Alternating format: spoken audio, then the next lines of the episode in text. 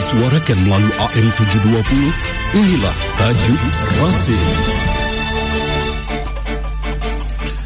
Tajuk Radio Silaturahim edisi Jumat 11 Syakban 1444 Hijriah. Bertepatan dengan 3 Maret 2023 diberi judul Kaya versus Hedonisme. Sebuah tulisan Imam Samsi Ali Presiden Nusantara Foundation Sesungguhnya kata ghina dalam bahasa Islam, Al-Quran dan Sunnah lebih merujuk pada keadaan batin yang terpuaskan dengan realita kehidupannya. Bukan pada bentuk dan kuantitas kehidupan dunia yang digenggamnya. Rasulullah SAW menekankan, kekayaan itu bukan banyaknya harta, tapi kekayaan itu adalah kepuasan jiwa atau gina an-nafs.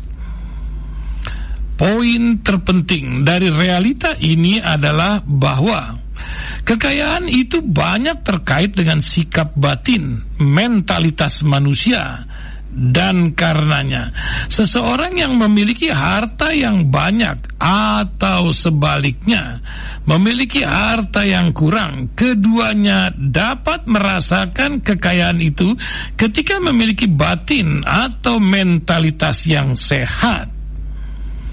Sehatnya mental seseorang itulah sejatinya yang akan terekspresi dalam karakter dan perilakunya sebagaimana ditegaskan oleh Rasulullah SAW. Sesungguhnya dalam tubuh itu ada segumpal darah yang jika baik seluruh anggota tubuh baik, tapi jika rusak seluruh anggota tubuh rusak. Itulah sesungguhnya hati, jiwa dan sikap mental. Seseorang memiliki mental yang sehat tidak akan banyak terpengaruh oleh keadaan dunianya. Ketika miskin, dia tidak akan merana dan rendah hati alias hina. Ketika kaya, dia tidak akan angkuh dan abusive dengan gaya hidup hedonis.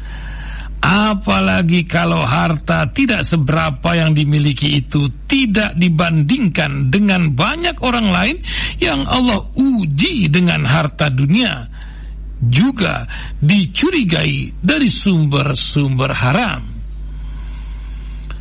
Saya teringat sebuah cerita bersama Michael Bloomberg.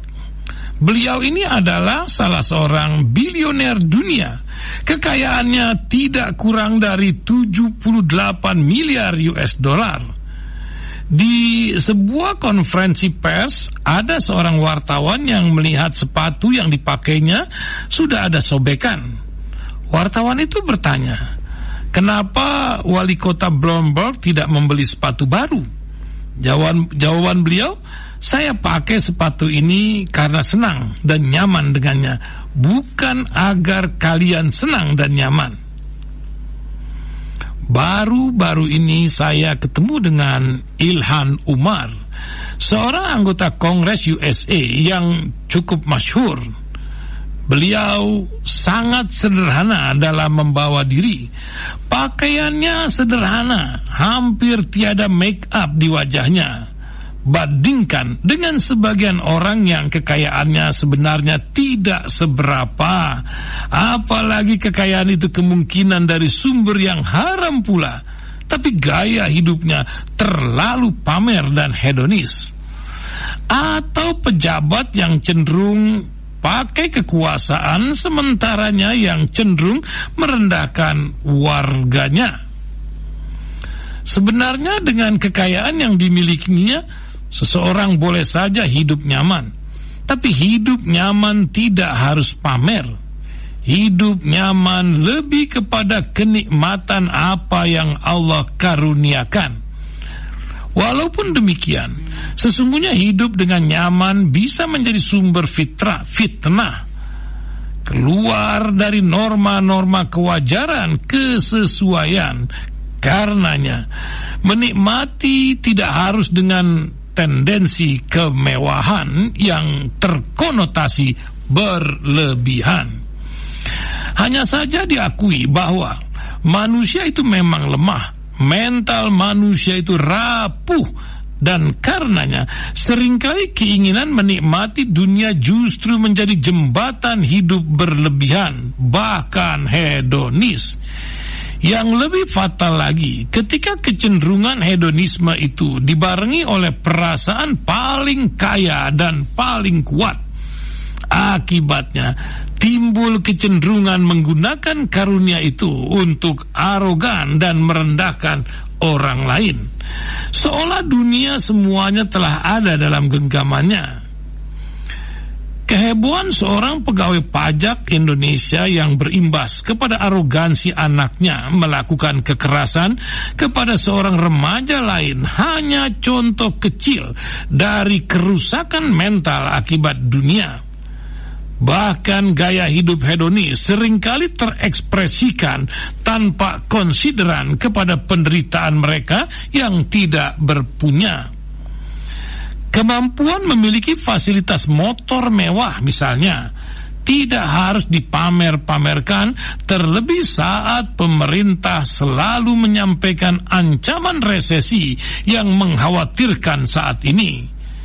Jangan bersikap paradoks. Anda ingatkan resesi, tapi Anda pamer kekayaan di jalan. Terlebih, sekali lagi, Penampilan pamer dan hedonis ini sekali lagi kenyataannya hanya dengan kekayaan yang tidak seberapa dibandingkan dengan orang-orang kaya dunia. Itu pun dicurigai dari sumber-sumber yang tidak halal dalam prosesnya masanya semua orang sadar bahwa karunia apa pun itu harusnya untuk disyukuri bukan untuk menjadi keangkuhan dan pamer kepada orang lain orang kaya dengan kekayaannya pejabat dengan jabatannya, orang terkenal dengan popularitasnya, dan semua karunia untuk disyukuri dan demi kemanfaatan luas. Orang kaya ditakdirkan kaya untuk membantu yang miskin. Pejabat ditakdirkan untuk menjabat, untuk melayani masyarakat, bukan untuk pamer dan angkuh kepada orang lain di sekitarnya. Sekaya apa pun Bill Gates, Warren Buffett, Jeff Bezos, Elon Musk, dan banyak lainnya jauh lebih kaya. Dan ingat, banyak atau sedikit harta milikmu bukan penentu kehebatan dan kemuliaanmu, tapi pada hati dan karaktermu. Semoga wallahu a'lam.